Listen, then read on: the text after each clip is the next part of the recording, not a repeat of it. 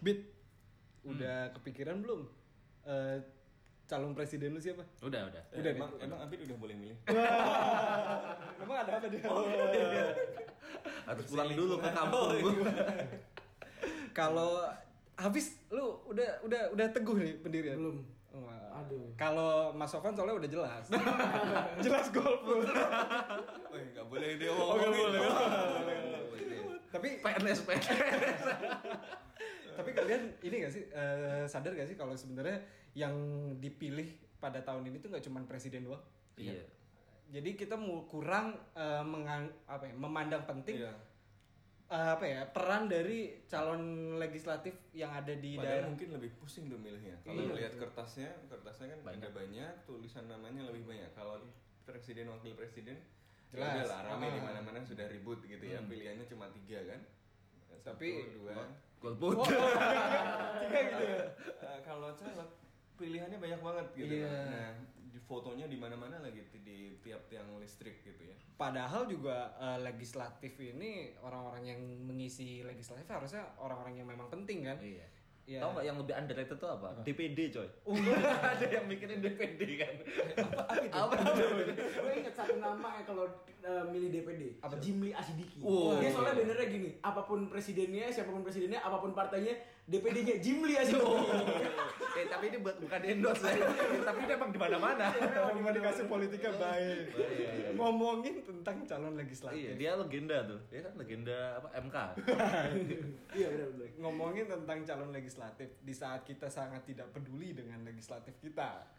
Ternyata di negara di Amerika Serikat itu eh, ternyata yang rame itu Ya, agak sensitif ya. Oh iya, legislatifnya itu diisi sama parlemennya mereka diisi sama orang-orang yang seakan-akan kita kayaknya nggak mungkin gitu kepikiran kalau loh kok mereka bisa ada di situ di saat Donald Trump, Trump jadi yang presiden. berkuasa Nah, gitu ya. Jadi kayaknya memang kekuasaan Trump ini justru menjadi eh, apa ya alasan bagi banyak orang-orang baru yang mungkin tadinya tidak terlalu tertarik sama Hmm. politik gitu ya untuk kemudian terjun ke politik dan memobilisasi dukungan untuk eh, tokoh-tokoh alternatif gitu ya. Makanya eh, macam-macam tuh eh, wajah baru di Parlemen Amerika Serikat ya ada eh, Cortez yang eh, sangat apa sosialis gitu ya. Amerika kok sosialis gitu. Eh, terus ada juga eh, eh, Ilhan Omar ya Ilhan dan, Omar. Ilhan Omar. eh, Rashida Tlaib yang eh, mewakili pengungsi sekaligus komunitas minoritas Muslim di Amerika Serikat. Ada idola kita semua, Bernie Sanders. Oh, Bernie Sanders sudah dari dulu kan. yang wajah baru ini banyak dan kemarin memunculkan beberapa kontroversi. Jadi kayaknya menarik nih apa?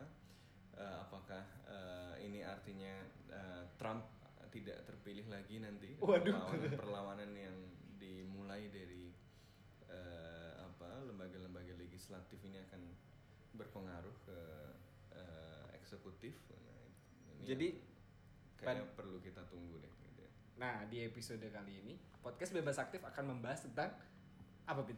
Kiprah muslimah di parlemen. Harus digaris bawahi Harus muslimah. muslimah. Iya, ini penting ini. Akan kita bahas di podcast Bebas Aktif.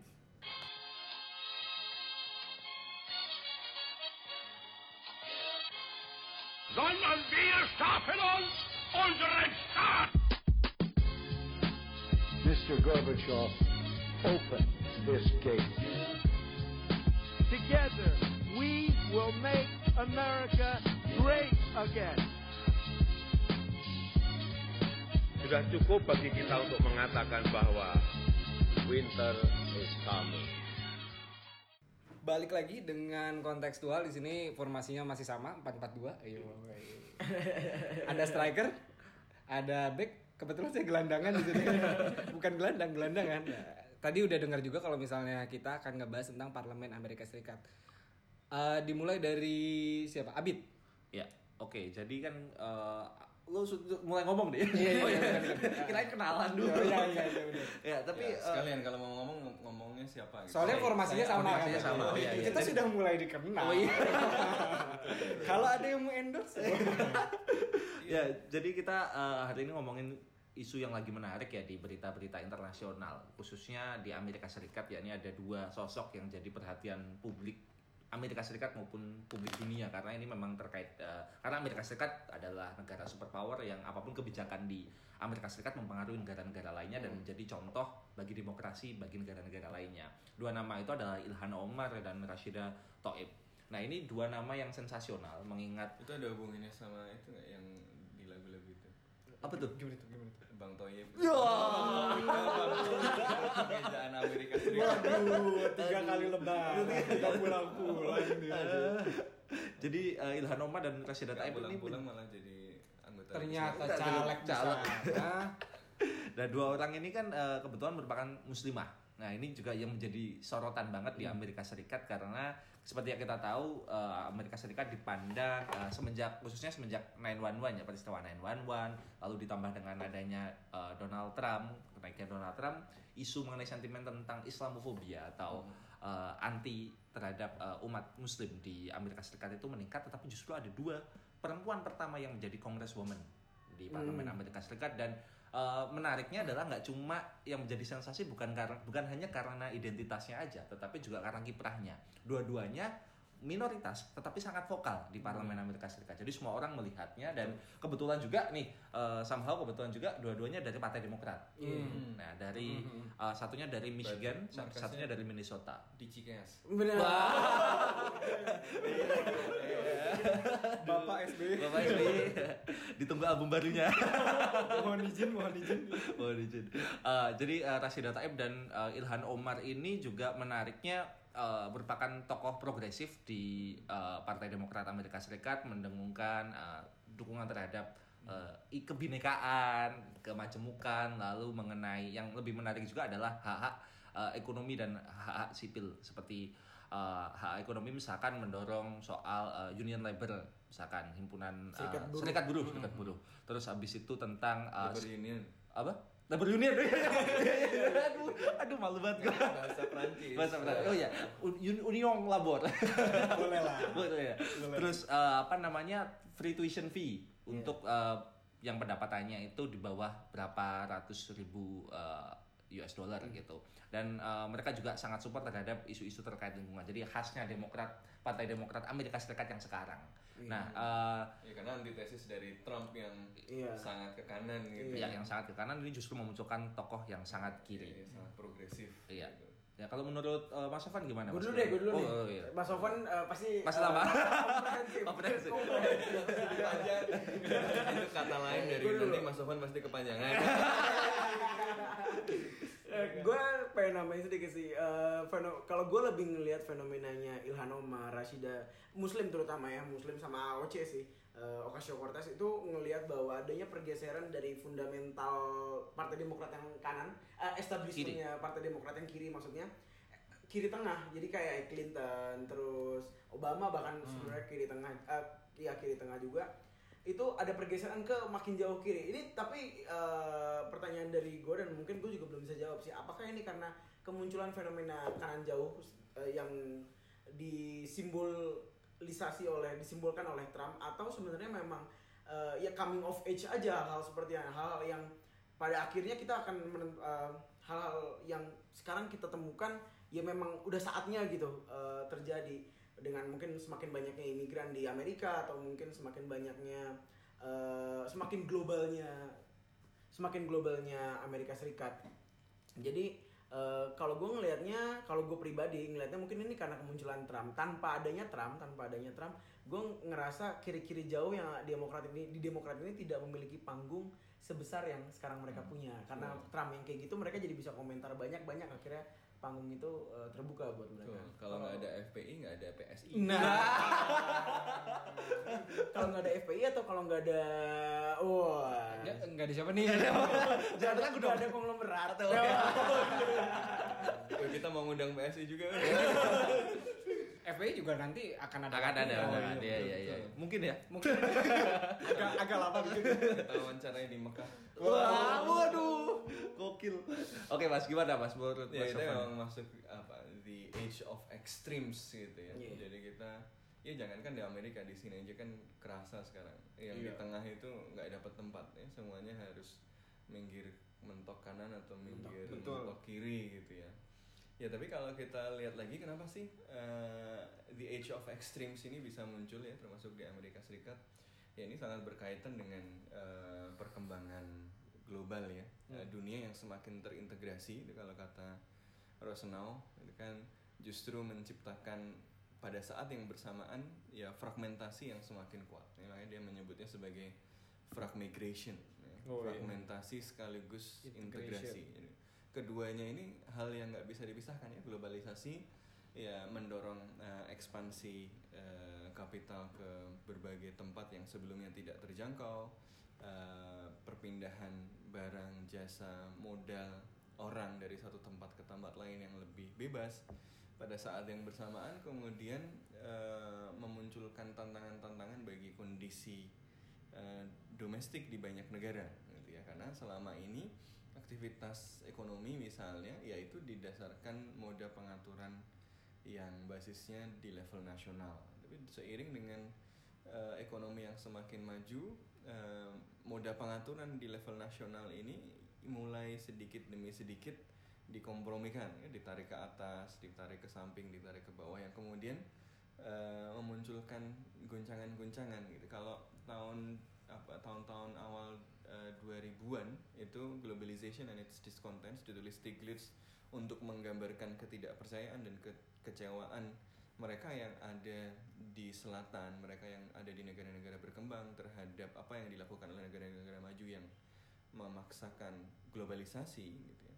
Sekarang bahkan yang di utara yang ada di negara-negara maju sudah ikut ramai mengkritik globalisasi kan ada gerakan 99 99% gitu yang apa Occupy Wall Street Occupy Wall ya. Street. Kemudian- Occupy Rektorat. Boleh? Waduh. Nah ini yang kemudian eh, ya menggambarkan eh, ini konsekuensi eh, struktural saja dari globalisasi yang kemudian mewujud ke dalam aktor-aktor seperti Trump yang kemudian memunculkan antitesis juga dalam orang-orang seperti eh, apa AOC, eh, orang-orang seperti eh, Sanders, orang-orang seperti Ilhan Umar, orang-orang seperti Rashida Tlaib. Jadi ya memang ini eh, eh, apa, Dua arah. eh, Zaman baru, Mas, ya? Spirit zamannya memang seperti ini ya kita masuk di zaman yang eh, bergolak ya. Nah, eh, tapi kemudian pertanyaan kita semua adalah eh, apakah ini kan kemudian kan disimbolkan melalui identitas yang paling kelihatan ya. Misalkan Ilhan Omar kelihatan banget Memang pakai hijab. hijab. Lalu Rashida Taib juga bilang bahwa saya merupakan muslim dan keturunan Palestina bahkan. Iya. Ini Sesuatu yang pernah dibayangkan. kan? Rame juga kan ya soal Nah. komentar soal Nanti- gitu. Oh ya. iya, oh nanti itu pertanyaan selanjutnya. pertanyaan sekarang adalah eh, kenapa kemudian itu tadi Mas yang Mas sebutkan sebagai eh, kemunculan ekstrim kanan dan ekstrim kiri terhadap struktur ekonomi dan globalisasi itu kemudian berkelindan dengan aspek identitas atau simbol. Kan ke, eh, Donald Trump kan menyimbolkan diri sangat apa ya white, sangat apa part of Christian, part of ordinary people, padahal orang kaya. Dan juga yang pada sisi yang lain Demokrat eh, sangat berupaya sangat eh, progresif di satu sisi juga menautkan itu dengan identitas Mungkin- minoritasnya. Mungkin ada kaitannya dengan alasan kenapa kok tiba-tiba dua orang ini bisa muncul di parlemen gitu ya. Tadi kan udah dijelasin karena ada ekstrim uh, kanan maka ada ekstrim kiri. Nah, uh, kalau gue mungkin nge- ngejawab itu dengan ini nggak tahu sih apakah benar jawabannya atau tidak gitu. Tapi uh, karena gue adalah salah satu orang yang mengapresiasi bagaimana politik itu dijalankan di Amerika Serikat. Mereka tuh kalau misalnya jadi caleg jualan ya dagang tuh dagang beneran gitu loh. Campaign ad-nya apa ya? Eh, eh, Stance iklan. point, stance program, point. program, Program. Ik- iklan kampanye itu bener-bener lu kayak ngelihat iklan susu gitu loh produk Iya, susu iya. gitu. dia memang mereka memang menampilkan produk apa yang mereka mau bawa beda sama kayak mohon maaf nih calon-calon legislatif di Indonesia Siap jungkir balik untuk rakyat.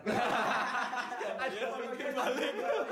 Itu aja jungkir balik. Eh, apa ya em, kan kalau di sini tuh kayaknya komunikasi politiknya Generik, ya. kurang iya kurang berjalan dengan baik misalnya kayak yang gue lihat tuh selama ini kayak eh, Abid jadi caleg belakangnya kalau dia dari PDI ya Soekarno belakangnya atau misalnya Jokowi kalau misalnya dari Gerindra ya Prabowo atau apa gitu loh SBY misalnya kalau Demokrat tuh kayak generik aja gitu sedangkan Kalau kayak misalnya programnya sama aja kan untuk Ah, ah. Iya, ini, untuk ini, ini, gitu. Sedangkan kalau misalnya gue lihat nih kenapa mungkin ini mungkin salah satu alasan kenapa misalnya eh, Rashida gimana sih bacanya? Taib. Tlaib, Tlaib. Sebenarnya ada. L-nya, ada Iya, Toib. Toib. Ada L-nya.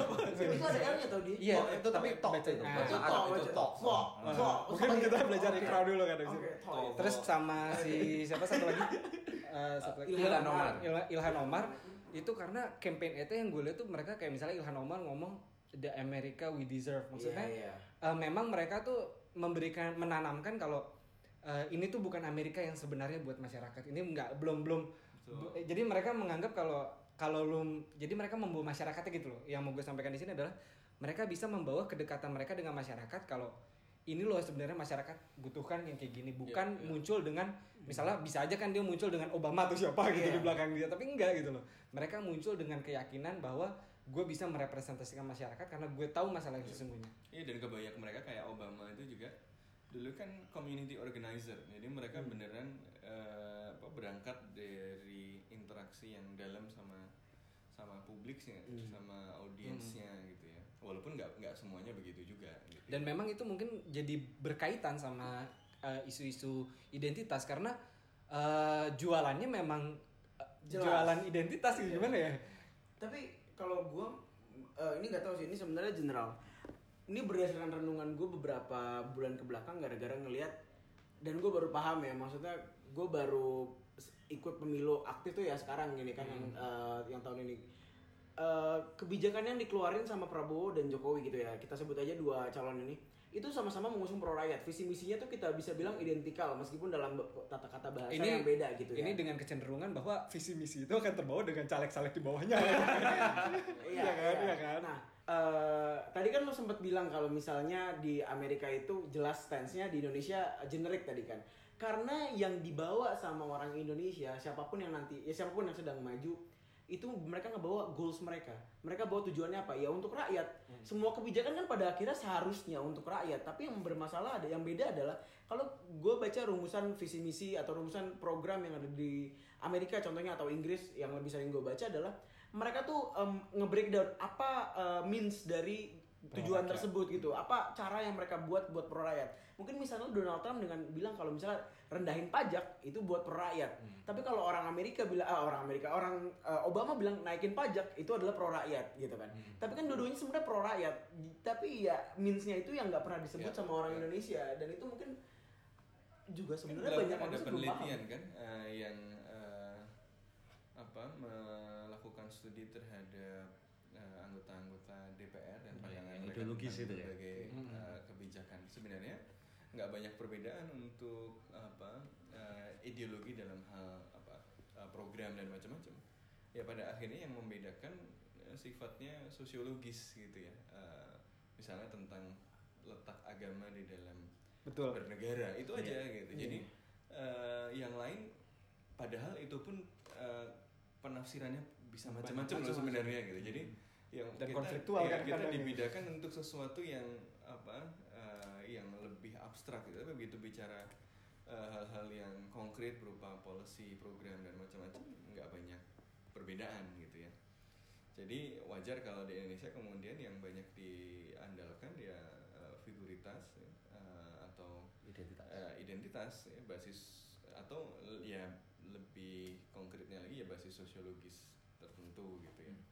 Eh, tapi menurut gue juga di Amerika Serikat juga sebenarnya ada yang eh, basisnya Ah. program-program gitu ya, tapi ada juga yang ya basisnya identitas juga kan. Trump kan juga betul juga begitu gitu ya dan kalau kita lihat kampanye-kampanye ya banyak orang eh, sekarang terutama di Republikan juga memang mengandalkan begitu jadi eh, apa ya eh, ya menurut gue sih ya karena politik itu memang who gets what how eh, Iya. and when gitu ya. Eh, ya, ya hal hal seperti ini tidak bisa dihindari gitu ya. Tapi bagaimana cara melakukan ini secara beradab? Nah ini yang menurut gue sih penting penuh tantangan. Iya. Oke, nah terkait eh, kembali ke soal Rashida Taib dan Ilhan Omar. Eh, Pertanyaan selanjutnya adalah seberapa jauh sih identitas seseorang itu, terutama dalam kasus dua orang ini, seberapa besar eh, pengaruh identitasnya Ilhan Omar dan Rashida Taib itu terhadap eh, proker-prokernya? gitu. Dan itu kan karena itu apa ya membentuk harapan dan dibentuk oleh harapan juga. Iya, gitu. betul. Iya, iya. Nah, kalau menurut teman-teman kayak gimana tuh? Kalau menurut gua Heeh.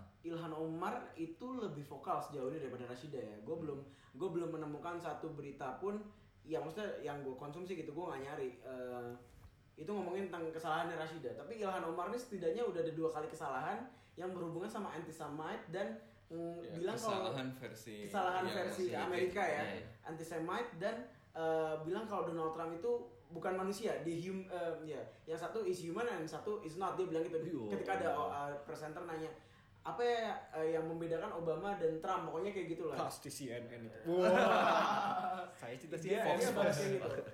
Maksudnya em, balik lagi, jadinya ya kalau buat Ilhan Omar, eh, kayaknya dia memang memperjuangkan identitas yang dia bawa dan itu nampak dari yang menurut mereka anti Semite gitu kan. Eh, menurut gue harus dibedakan ya politik identitas eh, in sense anda memobilisasi identitas untuk eh, kepentingan eh, anda sendiri gitu ya. Eh, dengan em, memperjuangkan eh, satu segmen masyarakat tertentu gitu ya yang memang konstituennya. Ini dua hal yang berbeda. Politik identitas itu kayak eh, kita eh, apa ya eh, jualan uh, apa pun itu identitas itu ya untuk kepentingannya tapi untuk main-main aja gitu ya. Eh, ya untuk mobilisasi eh, suara gitu ya. Eh, sementara eh, ya ada memang kayak orang-orang kayak eh, Ilhan Omar yang dia merupakan bagian dari komunitas yang sekarang mengalami eh, katakanlah semacam represi di Amerika Serikat gitu ya. Eh our, our komunitas imigran eh, itu apa sekarang diburu oleh eh, aparat negara dicek eh, apa imigrasinya kalau eh, tidak lengkap dengan macam-macam pun dipisahkan antara ibu, apa ibu sama anaknya dan macam-macam gitu kan. Jadi mereka dalam kondisi eh, ya mengalami banyak masalah yang ditimbulkan oleh pengelolaan negara gitu Nah, again, makanya beda. Eh, Trump itu memainkan identitas, gitu ya.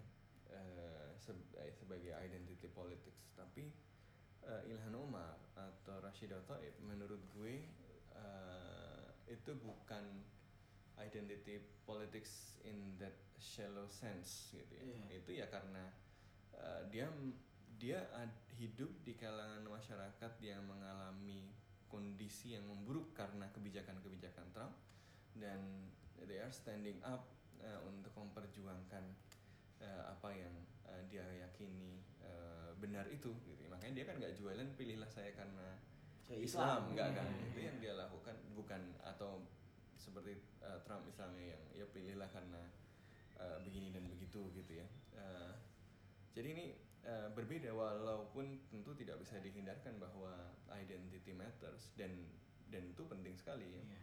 Eh, ya justru karena dia adalah orang eh, justru karena dia pengungsi justru karena dia eh, minoritas karena dia perempuan dia bisa mengatakan kepada publik bahwa hey orang-orang yang eh, sekarang dimarginalkan eh, ayo kita sama-sama eh, bergerak untuk mewujudkan Amerika yang nggak kayak gini mewujudkan Amerika that you deserve gitu kan. Eh, yang yang memang pantas untuk kita yang memang dulu dirancang oleh founding fathers untuk orang-orang seperti kita gitu Betul. loh. Tapi saya setuju sih mas. Eh, kalau ngomong kayak gitu bener ya. Tapi apakah pada nantinya itu akan cost the Democrats sebagai general votes-nya mereka? Karena jelas apa yang diucapkan mungkin eh, buat Ilhan dan ap- apa yang dia perjuangkan tuh benar. Tapi kita berhadapan sama eh, masyarakat yang yang masih seperti itu gitu, yang percaya bahwa kita harus memperjuangkan hak-haknya orang Israel. Apakah itu bakal cost cost Democrats atau malah Menarik. Ini menguntungkan? spesifik Iya, lagi kan? nih Wah, gitu ya. eh, tapi menarik ini eh, trivial dikit nih. Jadi eh, Ilhan Omar, Rashida Tlaib ini kan eh, pendukung eh, BDS Israel, Iya, iya. tapi juga pendukung BDS Saudi. Dan juga pendukung LGBT rights. Iya, iya, iya. Karena mereka kan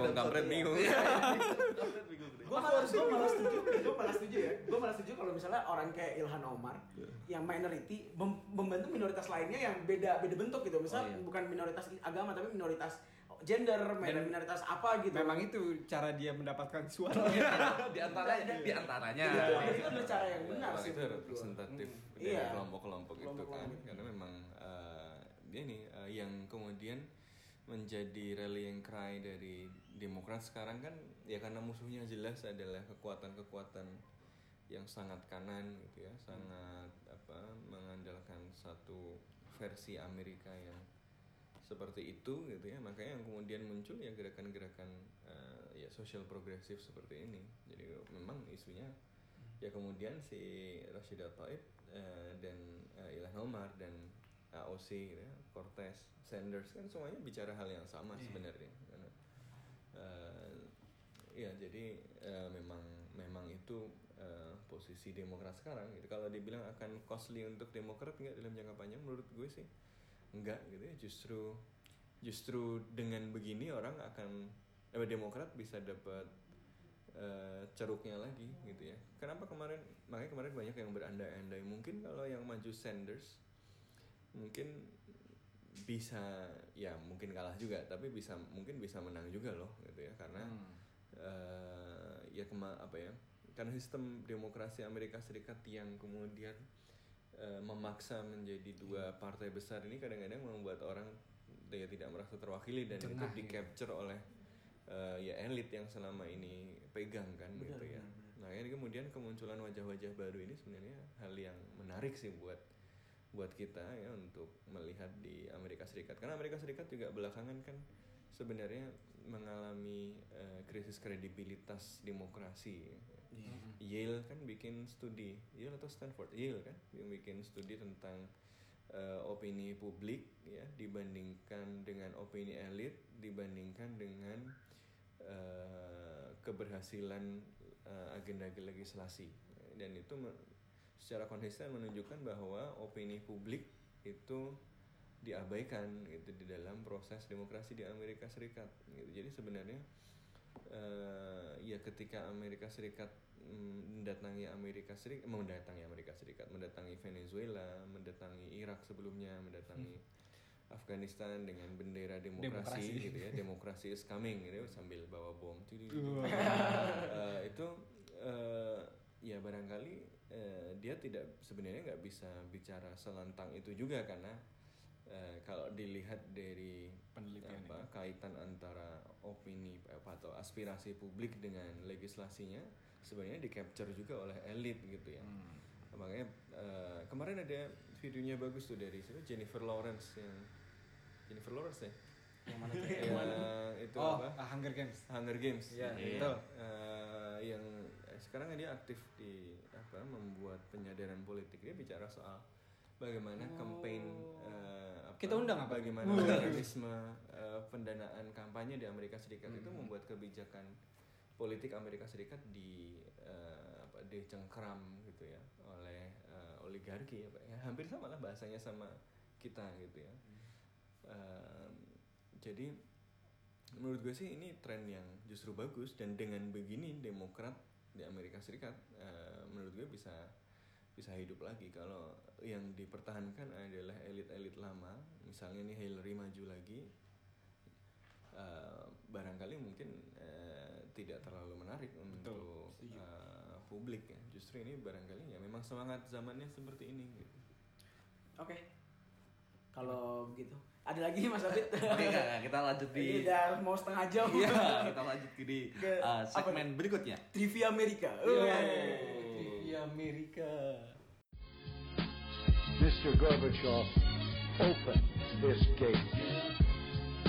Together, we will make America great again. Trivia Amerika. Ding ding ding.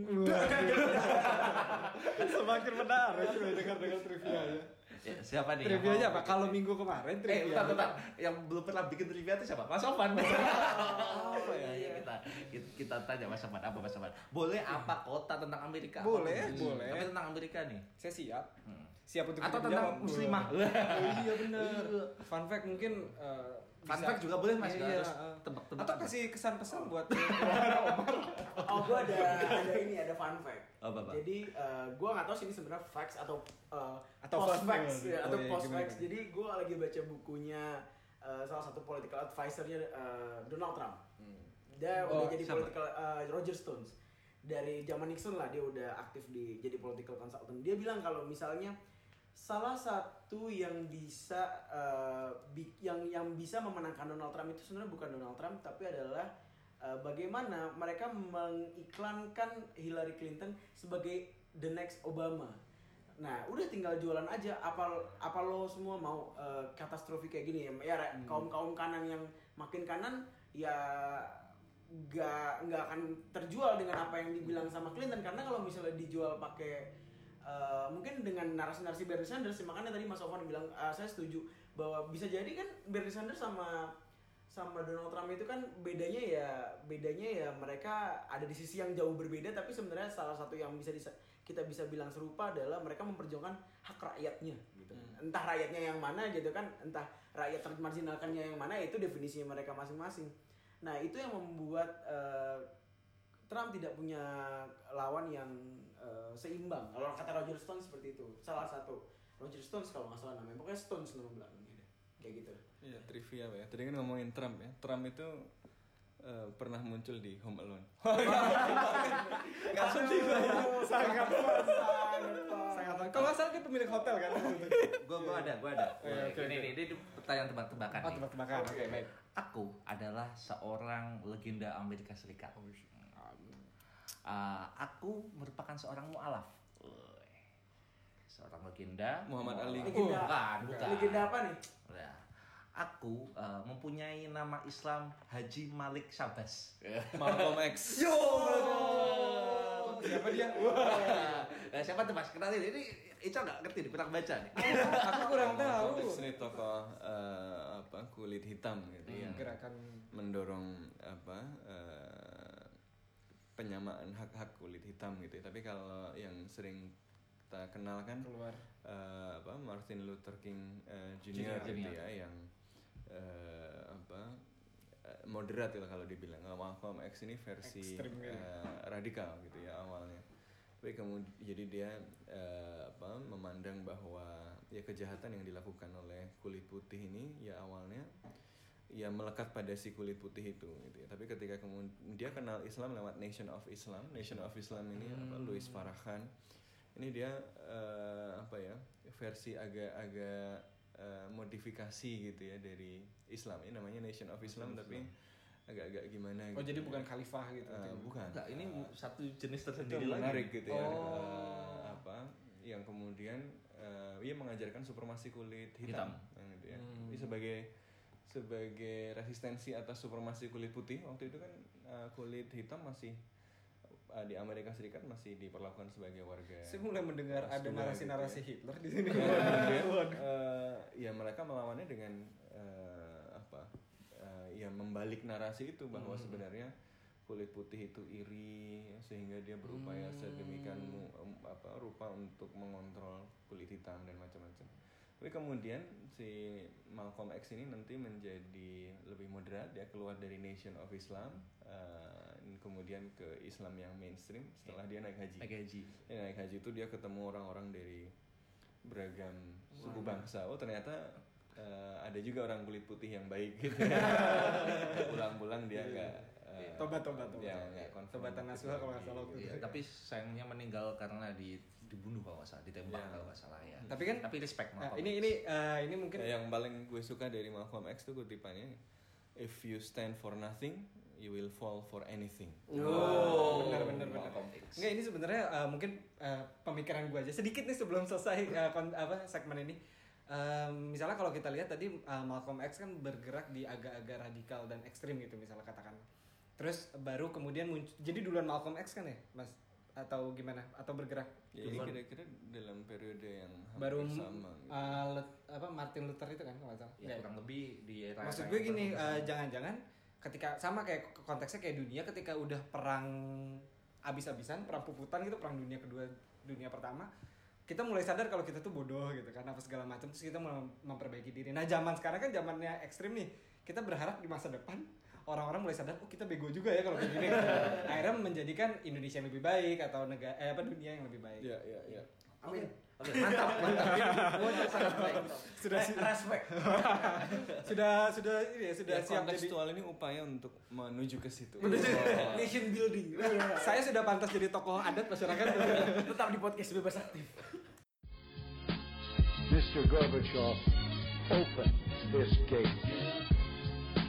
Together, we will make America great again. Oke, segmen selanjutnya ini eh, kalau biasanya kan di segmen kedua itu kita ngomongin khusus tentang Indonesia dan kaitannya sama isu yang sebelumnya. kan. Segmen dia tiga tiga. Ya, segmen tiga deh, segmen tiga. Nah, sekarang itu eh, mungkin pertanyaannya agak berbeda.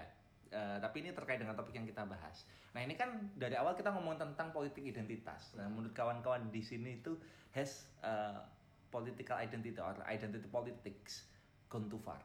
Apakah politik identitas sudah terlalu jauh sampai semua orang pakai politik identitas? gue tertarik banget sama kata-kata Mas Sofan tadi yang uh, politics is all about uh, what eh apa uh, Ya Ya, itulah. soal who gets what, who how, gets and when. what. ya maksud gue uh, pada akhirnya identitas tidak akan lepas dari politik gitu loh dan kemudian uh, selalu jadi senjata yang ampuh dari zaman bahla juga kalau yang namanya identitas tuh orang jadi sentimen apa apa jadi gua harus dukung gitu Jawabannya Mas Sofan kita simpen terakhir. biar biar biar komprehensif. Gue cuma mau bilang sih kemarin tuh dulu dulu tiga lima bulan bahkan mungkin lima bulan yang lalu eh, seorang yang gue cukup kagum Pangeran Siaan. Wih. dia ngomong sama gue gue gak tahu sih sebenarnya pertanyaan eh, jawaban dari pertanyaannya Mas Abid bahwa apakah udah gone too far tapi dia bilang kalau misalnya politik itu adalah tentang perspektif. Mau lo sebaik apa mau lo sebagus apa mau kebijakan lo secanggih apa kalau yang bakal milih lo nggak bisa mentranslasikan gitu ke ke apa yang mereka concern kan ya lo nggak akan pernah kepilih dia bilang kayak gitu. Jadi semuanya tentang perspektif. Bagaimana lo bisa membawa eh, perspektifnya dia itu jadi suka sama apa yang lo bawa. Itu sih. Ah, setuju. Kalau misalnya Mas Abid jadi caleg gitu kan dia akan mendukung misalnya orang-orang yang terminoritaskan gitu dia kan tetap aja dibilang ah Jawa gitu kan Iya, iya, kan? Ya kan? karena Benar, perspektif, benar, benar, perspektif benar. orang nggak bisa kita Benar, atur gitu benar, benar. akhirnya ujung-ujungnya identitas lagi ke Identitas bawah lagi iya. Tapi kalau gue mungkin punya perspektif yang agak, agak berbeda sih. Jadi kalau menurut gue sendiri nih pribadi nih, eh, eh, politik identitas itu udah has gone too far dalam Oh. politik kontemporer yang sekarang. di Indonesia di, di seluruh dunia, sih menurut gua ini kan menurut menurut gua di seluruh dunia ini persoalannya sama cuma manifestasinya beda aja. Iya. di sana kayak apa di sini kayak apa gitu kan. Tapi itu kan karena adanya globalisasi semuanya kan bertukar eh, ide kan exchange of ideasnya kan muncul kan. Nah menurut gua yang sekarang kejadian sekarang yang kita lihat ini mau yang dari kanan maupun yang dari kiri itu menurut gua sama-sama have gone too far. Kenapa? Ya, ya, ya. karena eh, pada beberapa hal identitas ini jadi orang jadi fokusnya identitas. Kalau gue mengutip Slavoj Zizek dan Jordan Peterson, dua intelektual favorit gue. Ya, sambil gini dong. Iya. sambil gitu. Iya. Eh, ini nggak boleh dong ya? Nggak boleh. Fisik. tapi tapi lucu. Nah, tapi nanti saya sampaikan permintaan maaf. tenang aja mas nah, tapi Biasanya menurut gua- juga menghormati Zizek. Eh, nah tapi menurut gua eh, politik identitas itu tidak menyentuh akar persoalan masyarakat sekarang. Jadi politik identitas itu tidak menyentuh akar persoalan yang masyarakat hadapi saat ini. Yakni apa? Misalkan soal eh, apa namanya kemiskinan atau hal-hal yang sehari-hari menjadi penderitaan mereka, misalkan persekusi yang berbasiskan ekonomi misalkan. Nah, gue lebih menyoroti aspek ekonominya alih-alih identitasnya. Bahwa iya memang gue meyakini bahwa identitas dan politik sesuatu hal yang tidak bisa terpisahkan.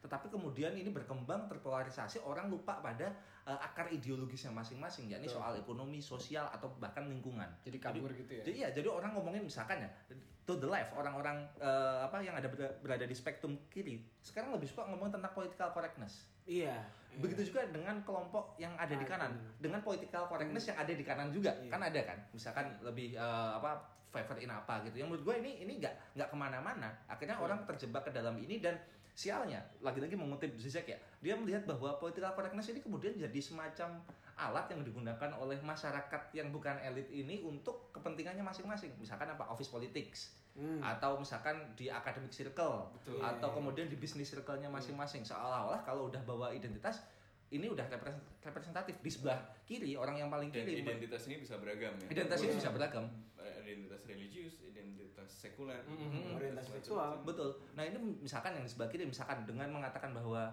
eh, saya perlu didorong representativeness-nya itu menjadi seolah-olah auto benar. Iya. Begitu juga yang sebelah kanan mengatakan bahwa misalkan eh, karena saya mayoritas dan saya misalkan eh, punya persepsi bahwa secara ter- ekonomi saya terdeprivasi, saya perlu juga didorong. Nah menurut gue ini nggak nggak ke mana-mana Bener. gitu.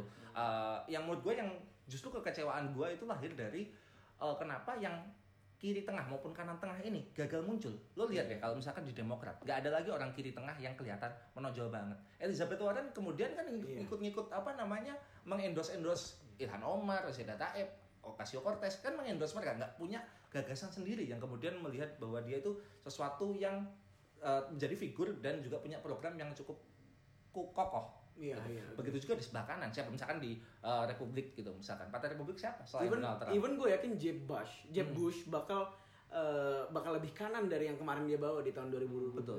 Nah, yang menurut gue ini perlu menjadi concern kita semua. Atau jangan-jangan tidak hanya berhenti pada politik. Ini temen temen lu sendiri lihat. Problem dia adalah TKA-nya. Dia bawa-bawa identitas MU saat rekamannya di, di, di, direkam. Hafiz pakai baju MU mentang-mentang dia baru menang. Iya. Eh, kalah ya? Kalah sama Arsenal dong. Wah. Oke, Gak, kamu ngomong sama orang main di Europa League lanjut Sial. Iya lagi-lagi eh, penting memang membuat batasan yang jelas tentang politik identitas itu kan. Eh, kalau kita bertanya politik identitas sudah terlalu jauh atau enggak? Eh, kalau definisinya per apa yang disampaikan Abid tadi menurut gue ya memang uh, gone too far ya. Nggak jangankan di Amerika Serikat, maksudnya di kita apalagi gitu kan. Eh, orang kemudian sekarang eh, yang menilai tidak berdasarkan apa yang diomongkan tapi siapa yang ngomong dan eh, apa identitas apa yang direpresentasikan oleh eh, orang ini itu kan seharusnya nggak begitu Eh, eh, ruang publik itu kan seharusnya ada untuk kita menguji gagasan ya, yang yang kemudian siapa pun yang ngomong ya kita uji dan eh, kita kritisi.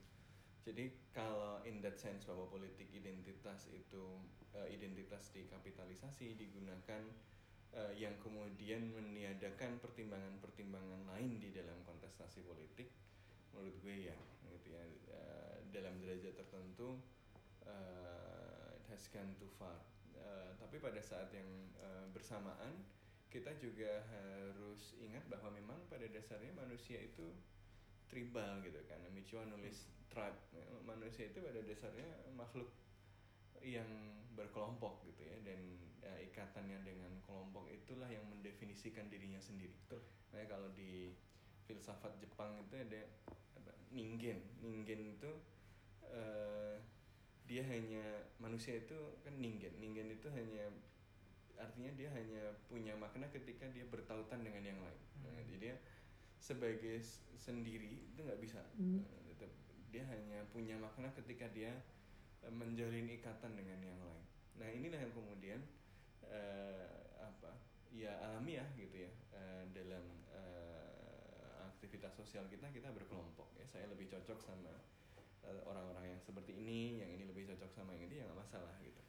Gone too far kemudian ketika ya masing-masing menjadikan itu sebagai sole kriteria di dalam menentukan eh, apa ya eh, arah politik kita. Jadi mau si A ngomong apa saja eh, sengaco apa pun karena dia adalah eh, bagian dari kin gue bagian dari kelompok gue maka harus dibela ya makanya kemudian kita menyiapkan beragam pembelaan untuk orang yang satu identitas dengan kita walaupun dia melakukan kesalahan Se- nah menurut gue kalau sudah begitu ya sudah too far gitu ya. artinya apa identitas eh, tidak lagi eh, dimaknai secara manusiawi sebagai pembentuk eh, faktor yang kemudian eh, mempengaruhi eh, identitas kita mempengaruhi Siapa kita, kita. sebagai manusia gitu ya tapi ya menjadi komoditas. Dia menjadi sesuatu yang dijual ya, dan eh, untuk eh, kepentingan Beberapa politik saja gitu ya. Menurut gue ya memang kita harus keluar dari sini. Caranya bagaimana? Ya berpikir gitu ya. Eh, dengan kita harus membuka ruang lebih banyak untuk secara kritis eh, mengkritik orang-orang yang justru paling dekat sama kita. Jadi jangan takut sama kampanye golput.